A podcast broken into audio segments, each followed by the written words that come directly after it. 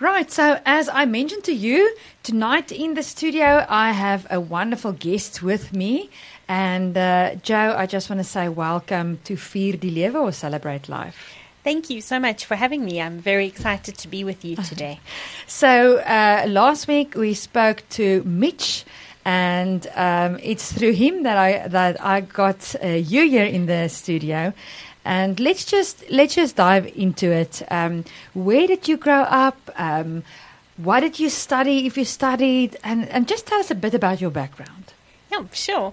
Um, so I grew up in South Africa um, in lots of dorpies first. My dad was a pastor, and so he did church planting in Secunda and Kriel, and then spent most of my growing up years in Kimberley um, as my home base. But with having parents uh, as as pastors, mm. um, yeah, I was very involved in the church from a very young age. That's wonderful. You know, um, sometimes uh, people say when they grow up in the Christian home, obviously it's not to say that you're going to be a Christian, but it seems like you had a very uh, wonderful experience. And just tell me, so how, how when did you get saved, or how, how was that when uh, uh the Lord impressed on your heart, or that you knew, um, you know, my life can't go on as it is. well, I was very little. Yeah. my mother says about four. I can't wow. remember, but um, my father was the. Um, the children's work director of the Baptist Union. So we used to go on camps and children's things. We were dragged along, loved it. and so I came home from one of those and I said to my mom, Mom, I am going to heaven, aren't I? And um, she sat down and explained that just because her and my father followed Serves God, mm. um, it doesn't mean that I'm his child. And of course, in very, she's a teacher, so very Aww. simple kiddie language. She told me that I needed to ask Jesus to be my best friend and to say sorry for the wrong things I did. And um, apparently I I prayed and I said I'm sorry that I jump on my bed and fight with my sister. so that was that was the start. And of oh. course I was very young and didn't understand everything at that stage. But through through life sure. my relationship with the Lord grew and and I came to realize what commitment I'd made as a wow, child. Wow, how mm. precious is yeah. that? and uh, tell me, uh, you have been now for a, a long time in full time missions. So, how did that call come to you? How did the Lord um, put that on your heart that, that, that, that is actually something that you want to do? Mm.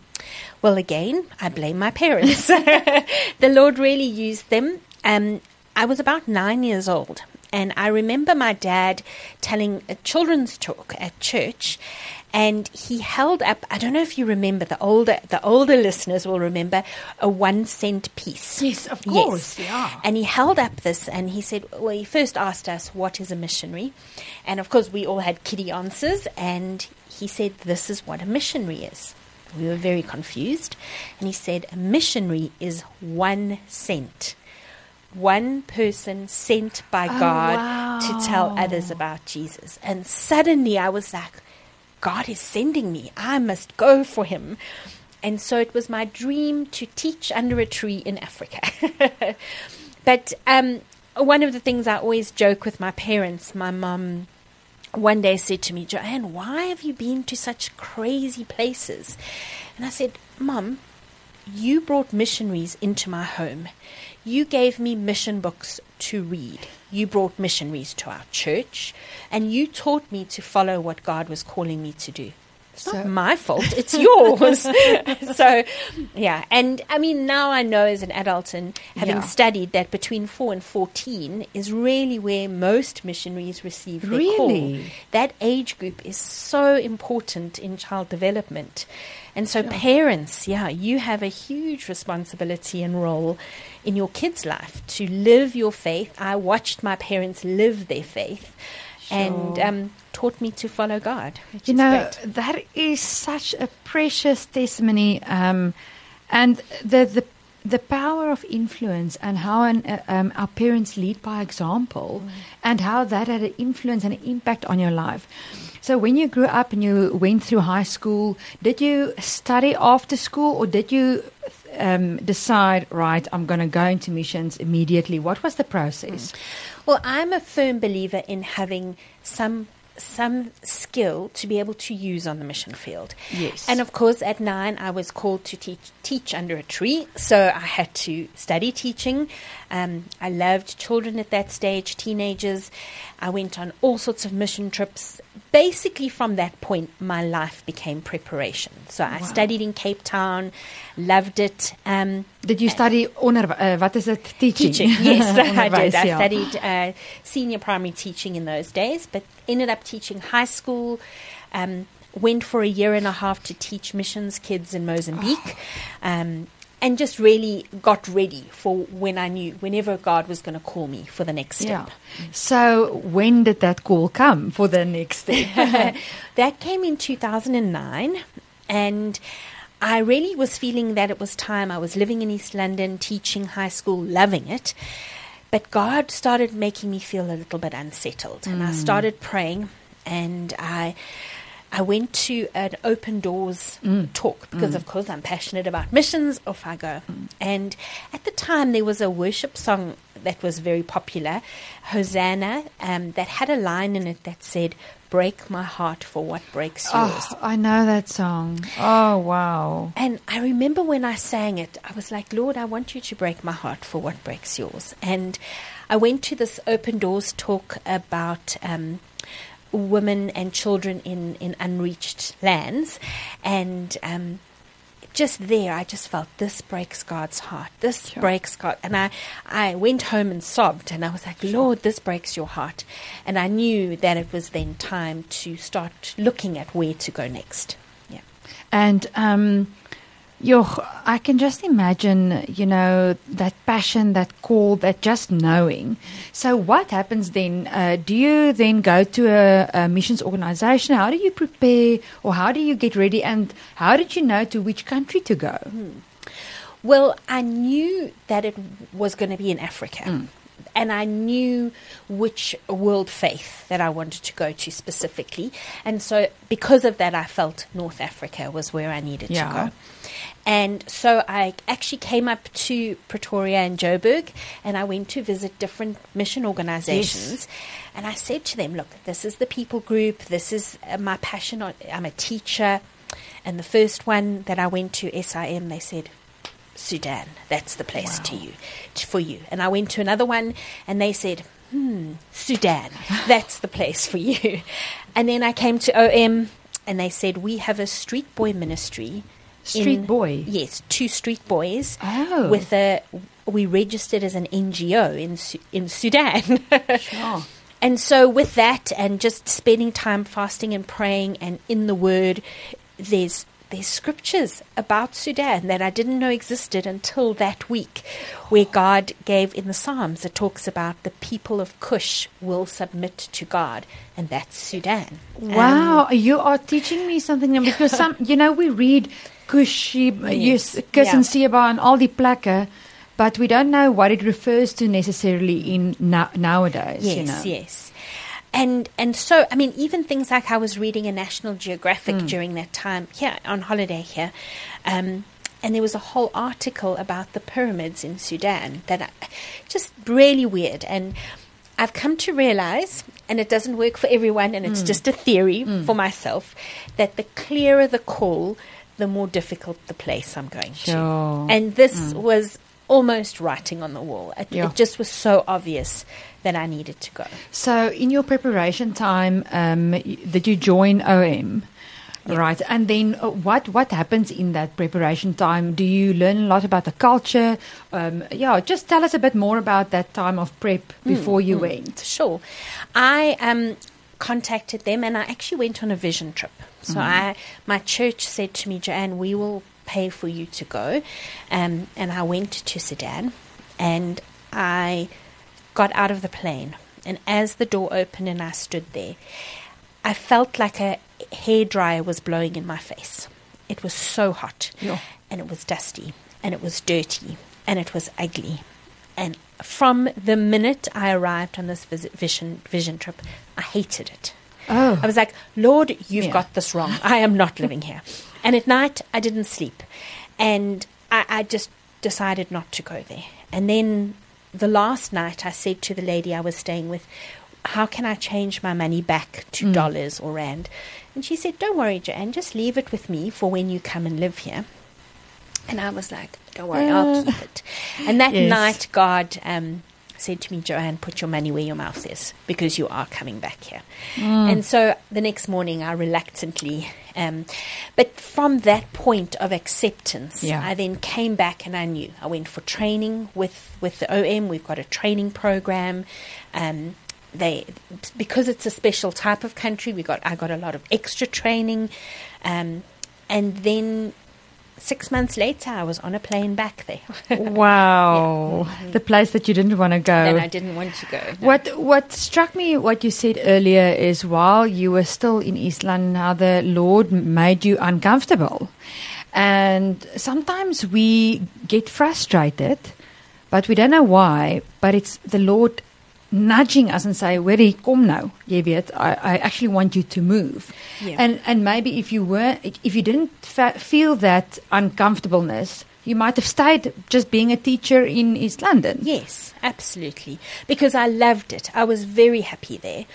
Um, and I also I also think so often we pray, Lord, Lord, speak to me, tell me. But I want my prayer rather to be, Lord, I know you will tell me. Help me to listen. And Oh, to listen and to be sensitive to the Holy Sure. Spirit when that prompting comes of that unsettledness. Yeah. Um, it's not just move to another school or move to another city. It's okay, Lord, why are you making me unsettled? what do I need to listen to you about? Very wise words. So you came back, you got your training in six months, and then went to Sudan. Yes. So tell us what uh, what happened. You got there. Um, do you go and like join a school there, or you know what I mean? Is do you teach the kids? Do you sit under the tree and actually get them together? How did it practically work? Um, well, I went there, and the first thing I had to do was go to language school. Uh, so I joined in. Of course, the organization on the ground Yes. there does a lot of orientation and really helps you settle in. I had an amazing housemate who helped me, and I then was able to go to language school and start learning Arabic. Right. And at the same time, I then started working just a little bit with the Street Boy program. Now, what they had in Sudan is o over a number of years, they developed these centers. Um, so they start as drop off centers where the ki- or drop in centers. The the street kids can come, Come in, in, yeah. and just get a meal, have a shower, hear a little story, and then leave. And then as after the holidays, there's a group of them that feels comfortable. They come and live there. Um, so they had four centres in Sudan, which was one Sudan at the time. Right. So they had one in Darfur, one in the south, and then two around the Khartoum area. Um, and the kids, the aim there is to try and reunite them with their family. Uh, but it's a slow process because it may not be their parents, it may be a grandparent. And we had some great success stories with that. Um, there was a, a young little boy, his name was Kuko. Now, in the southern Sudanese language, Kuko just means he's the second eldest son or the Oh, second young, okay. something like Yeah. that. So it's not his real name. So there are millions of Kukos around. Ah, ek hoor wat jy. So this little boy, he was about three, and he could he couldn't really communicate or speak very well. Um, I think he had a bit of a learning dif- difficulty. But um, the gangs, the gangs on the street, actually started to trust the centre and bring some of the boys in to the centre. And Kuko couldn't tell; he didn't know where he came from. He he he just. He, he mumbled and he spoke some things, and Yeah. there were people that could understand, but they d- couldn't make sense of what he was saying. And for months he was with us, and we put out feelers. Where are? Because of course we worked very closely with the churches, Yes. and myself and one other Western person, Mm. but the rest were all locals. I mean, because that's so important. Yeah. It was their centres that we were helping with, Yeah. and um, working. They were on church ground, church property, Right. and so the churches all put feelers out. We found nothing for months and months at a time. And eventually, I mean, of course, we prayed. And one day, one of the teachers happened to go to a prayer meeting at his church. Um, and we'd kind of given up on Yeah, finding yeah, a place for yeah. Kuko. He was going to be with us. Um, and someone prayed, a, a, a man, a young man prayed, and he said, My nephew has gone missing, and he's been missing for about six months. And what had happened was the mother was married to a new father, a stepfather. Yeah. And this father was abusing the mother and hurting her. So Kuko, little Kuko, had Kuko had picked up a rock and thrown it at the stepfather. Yeah. Got the fright of his life and just run. Oh. And he ran and ran and ran and ran and got lost. because I wanted to ask you, how do they end up on the street? Well, his is an unusual situation. Yeah. A couple of the boys were um, were had been child soldiers. Um, we had some who, You. because of the war, um, of course, this was in the it was a four or five years of peace. There was a peace treaty Ah. before the separation. Um, and I mean, we had one boy, and this is a bit of a graphic story, if that's okay. Um, our- Yeah. yeah.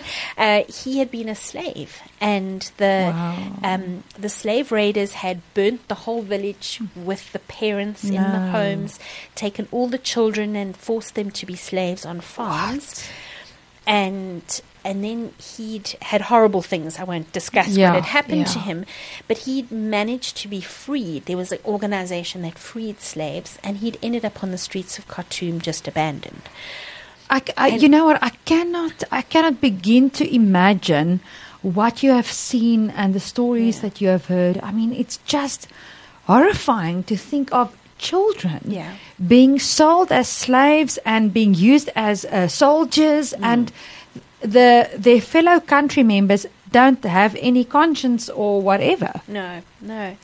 And, but when you hear this boy's name was Peter, and he loved telling his story. He had severe brain damage because of what happened to him. So he was about 20, but he was like a, a 12 year old. Sure. But he loved telling his story because he told of how he'd come to the center and found love. And the boys actually named the centers the Mohaba centers, which is the the love centers, Oh, and where he'd found love and he'd met Jesus.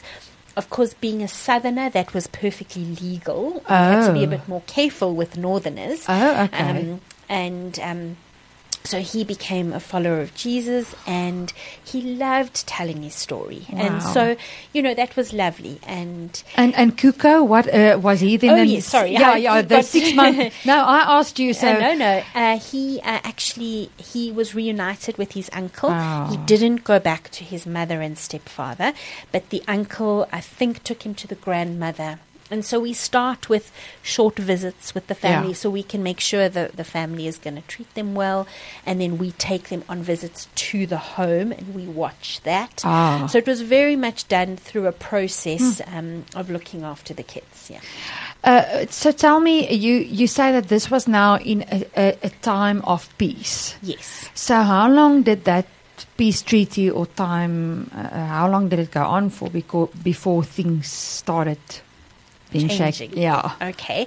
So um, it was about four or five years, and then came the big decision because that the North and the South would separate. Right. So um, What was the reason for that separation? Was it faith based or? Uh, no, well, the South um, is more African, whereas the North is more Arab. Ah. Um, so it's not necessarily, generally, the South is known as Christian, but it's not necessarily. Ah. Um, and it was more tribal, I think. Ah. And um, And were you there in the whole, were you in full time missions in Sudan for that uh, through the peace, through the change, everything? Yes, yes. Oh, I wasn't there during the war. Yeah. I w- arrived during the peacetime.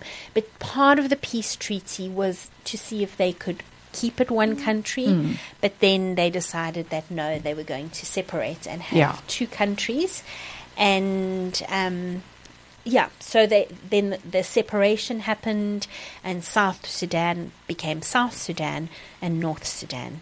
And where were you se- uh, settled? I was in, in. Sudan. Well, in Sudan, Yeah. Khartoum, which is the northern part. Oh, yes, okay. yes. So the more, let's say, um, challenging part. yes, Um, in a different way. In, in a different way. Yeah. So, um, were you allowed to share the gospel in that area, um, or was it more undercover? Um, what What is the um, uh, wat kan ek sê die wette, the laws there? Yeah. Well, during the peace treaty, there was freedom of religion. Right. Um, but as soon as things separated, then the North had decided What- to be strict with their laws. Um, and they put new laws in place, and um, so it was very, very strict. Uh, even during the peace treaty, we were still careful because persecution doesn't always come from the government. It comes from the community Mm. That's and right. people. Yes. So, um, yeah, but things started changing quite quickly after um, the peace treaty. So, our OM team was a mixture of northerners and southerners Yeah. with some foreigners. So, all the southerners in the north had to pack up and leave. Sure. So our team halved overnight, and we lost a lot of people, and it was quite a, a sad time to see them go. Um, but that's when the severe persecution started. So And and the persecution on the northerners or on those who on went. Christians. Ah. So one day we were at our, our center playing games with the boys. I taught a, um, a life skills program with the older boys. So bringing in speakers on what it means to be a man, what it means to be a father. Wonderful. And I brought in Sudanese speakers. right, that they um, can relate with, yeah. nee? And choice and consequence and, you know, those type All of things things. that's that's pertaining to your life. Yes. And so that was part of my role and to teach English. Yeah.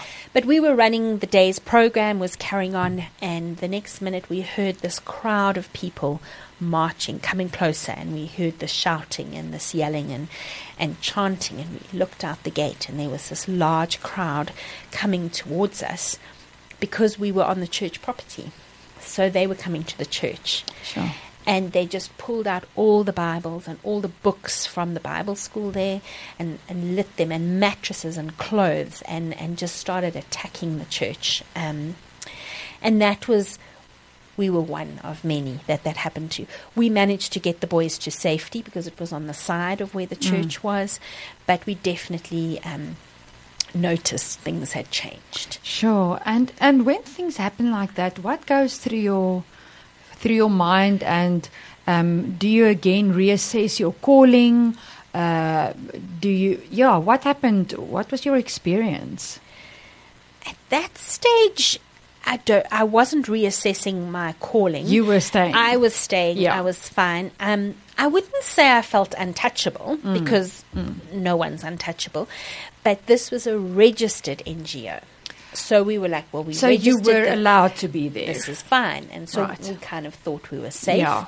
Um, but that didn't last for very long Hmm. because we started having other missionaries started being taken in for interrogation. Couple got put in prison. And then st- some started being told to, to leave. So more and more we knew things were changing. Mm. And then one day I got a message on my phone. I was out at school and I was teaching, and on the phone I got a message that said, Please water the plants. Hmm. That was the signal from my ah. housemate that she'd been picked up by the secret police and taken in to be interrogated. Sure. And I, cl- I can remember that day so clearly because it was the day we were supposed to have our Christmas party. And, um, and she disappeared. I was running the Christmas party, and soon after she was taken in, I got a message to say, Joanne, don't go home. They're searching your house. Yeah. And lots, I mean, I will tell the rest of my story, but that moment was was just horrible. They were in my house. Yeah, your They were personal in my room. place. Yeah. Um, yeah, so that day was a horrible, horrible day. I couldn't go home. Luckily, my housemate was just uh, interrogated for a short period of time, so that was okay. Um, but we knew then that things were going to change. So, in that time, what happened with you? What was your experience? Were you also eventually taken in? Um, tell us more about that, and and also how you experienced the Lord in that time. Yeah, definitely. And that is definitely when I did experience the Lord. So, um, my housemate, uh, she was told probably in the new year she'd have to to leave, so it wasn't too bad. Um, but the day came that I was called, um, and I literally got a phone call to say, "Joanne, Right. come in." I'm like, "Okay," Oh. and off I went. Um, and we'd been given quite uh, intense uh, interrogation training, part of our security Oh. training. And one of the couple of things that they teach you, of course, the code word was one of them. Another one is only have three or four facts about your life, and you only refer back to those. Right. You don't say anything else. And with your team and your friends, you check against everybody's facts. Right. You practice so that nothing you say can incriminate somebody else. Ah, yo. Um, Okay. So mine were I went to the international church. I, at that stage, I was doing a bit of teaching at a school. I worked for the registered NGO with the street boys. Yeah. And I had studied Arabic at a certain Yeah. school, which was a Christian school Yeah. that had had some problems. So those. Four. So if they ask you what color is the sky today, you refer back to one of these. You- Right. even if you don't answer the question, you always just go back Yo. to that. So I just want to say, in in your preparation to go to Sudan, you got this training, so you knew that it could happen. No, it wasn't. I mean, we know because where of- did you get the training on the field? Ah. Our team got the training, and Right. that's really the important thing with that type of training is the whole team has to have the same training, Okay, so that you speak the same language, Language. you do the same thing. Yeah. yeah. And anyway, everything was fine, but um, I was told I got a message after that that I had to leave in forty eight hours. Yeah. packed up my life, everything was crazy. Then, the day I was supposed to leave, Yeah. they called me in again. And this time it wasn't as easy. So I was packing, I was leaving that night, Yeah. and here I was sitting. It was my farewell party that my team was planning, and I was sitting waiting to be interrogated. And they kept me waiting. And what they did was they would bring different people in mm. to see if you recognize each other and to mm. watch your reaction. And our team leader's brother, who local Sudanese, had mm. gone missing. He'd been missing for two weeks. Ah. We didn't know where he was, what he ha- what mm. happened to him. They brought him into the room where I was, Yeah. and I could see that he'd been quite badly tortured, and I couldn't even communicate. Yeah. But I knew he was alive. I Yeah. mean, at least I could report back. Yeah. And that type of thing happens. And then I was told to sit. So it was me and a guard with an AK 47 because I'm dangerous, you know, Yeah. guarding me. and he said to me, sit. And I sat for a while. Another thing they train you is you do have to do be a little bit defiant Ah. so that you remember that they don't have all the control over you. Um, Ah. It's just a psychological thing. So I stood up and he said, sit. And I said, no. And I started pacing up and down. And suddenly I started singing worship songs and more in my head than out Yeah, loud, yeah. but started having this worship time while I waited and praying for my friend that I'd just seen and praying for my teammates and I just had this incredible half an hour or could have been more I don't even know time with the Lord where I have never in my life experienced the presence of God in such an incredible way. I I would love to have that again. I don't want to go through the experience again, but just this absolute Wow. intense presence of the Lord, and I just had a, the best worship time I've ever had in my life, and just knowing God's there, He loves me, He's in control. And Yo, uh, and, and, and as you were pacing up and down, I mean, I, uh, I guess it was a small space that you were in, Yeah. but the, the um, guard never asked you anything. He just saw you walking up and down and you just worshipping. yeah. And he probably just thought I was a t- crazy Yeah. foreigner. Yeah. but it was like for me, that is such a highlight in my life that I look back on. That was just an incredible experience. And and how long did you stay there? I mean, what happened then? So the whole time I was there for about four hours. Um, but then he called me in and I had to be interrogated again. And then, the, as I thought everything was fine, the very last thing he said to me, Joanne, what does OM stand for? And my blood ran cold Yeah.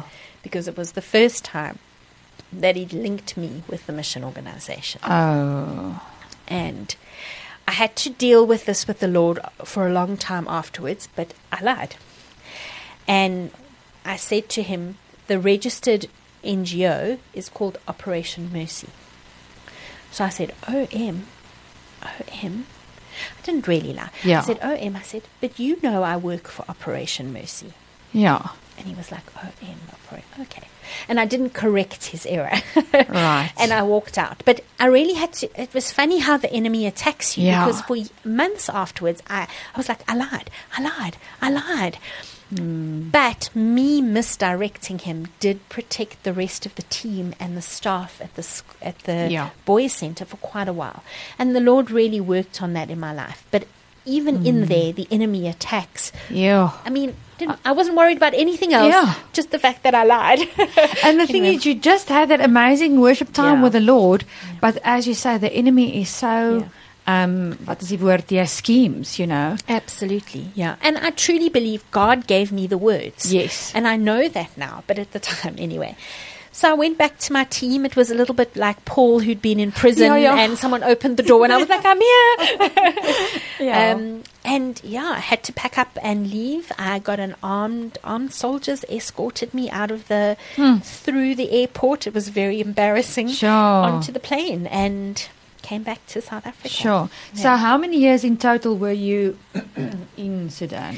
I was there for three and a half to four years. Yeah. Right. So and did you ever had, had to come back to South Africa, like for a while, and then go back? And I think I came on one Oh. holiday, so one furlough. so it Yeah. wasn't it wasn't compulsory that after a few months you have to go back home. No, no, okay. no, no. And um, yeah, I can't even imagine to be interrogated. And as I understand from you, it's it was more an interrogation of being questioned. yes, yes. Nothing like torturing No, or things no. like that. And they really didn't do that to foreigners. Um, even we had a friend who was in prison um, for a month. His his wife didn't know where he was for a while. Yeah. Um, he was actually one of our teammates. Yeah. And um, but he was the best person to be in prison. He was put in with the wild criminals, and um, he spoke Arabic fluently. Had lived there for years and, and was sharing the gospel in the prison How cell. wonderful. I mean, we don't think it's great. No, don't go to prison. But Yeah. in that situation, how the Lord used yeah. him. Yeah. So, um, if you look back on your time in Sudan, Yeah. and um, yeah, I just want to encourage our listeners or something. Well, obviously, that worship time was awesome. Yes, yes. But um, what would you like to leave with our listeners tonight and uh, encourage us with? The first thing I want to say, it's come to mind now, is is really we we look at the outside of a situation. So when I went to that on that vision trip and it was dusty and I hated it, I looked at that and I said, Lord, I don't want to go, but I will be obedient. And I knew that I knew God had called me. And so I had to accept that He would use me and it would make it okay. Hmm.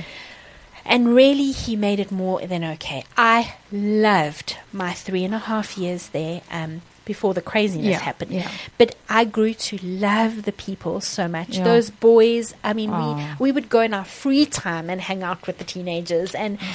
it was so special. And I think for me, that is like if God is calling you to something, He's going to look after you. Yeah. Even in the things like having friends and being happy. That for Mm. me was so important. And um, that love for Sudan, it had to come from God. It definitely wasn't going to come from me.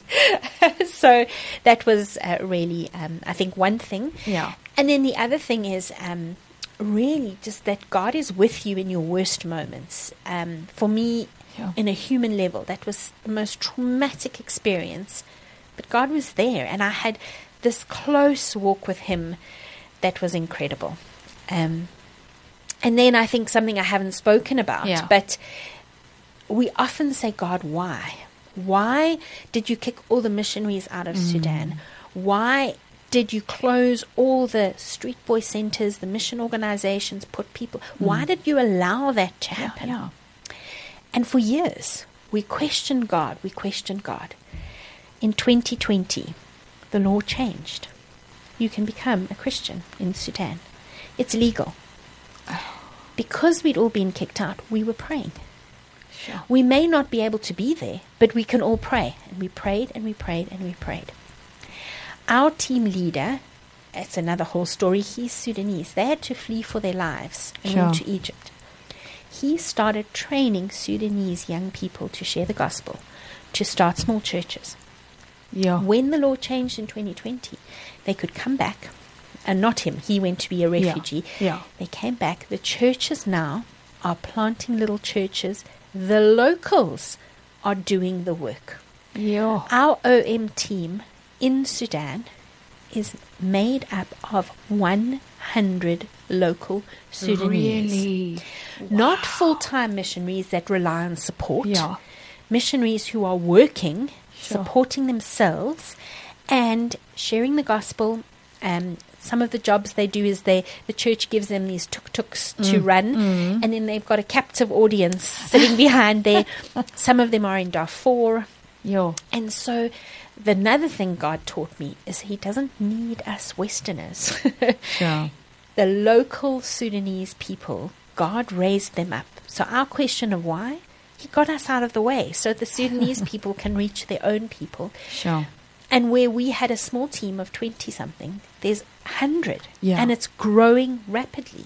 And that's one organization. And Hmm. God is doing that in Sudan. Um, Yeah. Of course, unfortunately, there's the big drama in Sudan right now, Mm. and where two Yeah, men I wanted to ask you about now. Um, so these two men, one from basically with Janjaweed that, that Mm. caused all the problems in Darfur, and, and the, the local um, military are fighting for power and how they're going to hand over to civilians, Mm. which is what they're supposed to do. But they're fighting. Um, the big problem in Sudan is water and food and medical services. So even Mm. though there's all this fighting, people are running out of food and starving. Millions uh, have tried to flee the country um, and they're struggling inside. Um, many mission organizations have stations at the borders around Mm. Sudan so that Mm. as people come out, Right. are people helping them with food and resources Yeah. because they're bandits on the road. They lose their passport, they get st- everything gets stolen, and they arrive at the borders, and there are Christians there to help them. Um, even in Sudan, our local team, struggling as they are, they are sh- sharing what they have with their, Mm. their neighbors and sharing Jesus' love with people in a very practical way, even out of the little that they have. Um, so we're really seeing the believers there um, stepping up and, and serving their neighbors and showing love. Um, yeah. Yeah, you know, um, it is quite um, a wake up call, especially when we, I mean, we moan and groan here in South Africa about load shedding and about this and about that. And, you know, if I, when I listen to you, I mean, the people in Sudan, I mean, what they are going through. And I know um, we shouldn't compare with one another because everybody's suffering is is bad for them in their own sense. Yeah. But sometimes we ons sê ons klaar met die witbrood onder die arm, né?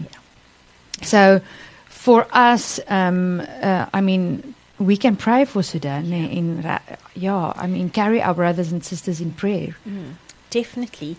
And I know there are different organizations that send out prayer updates and bulletins.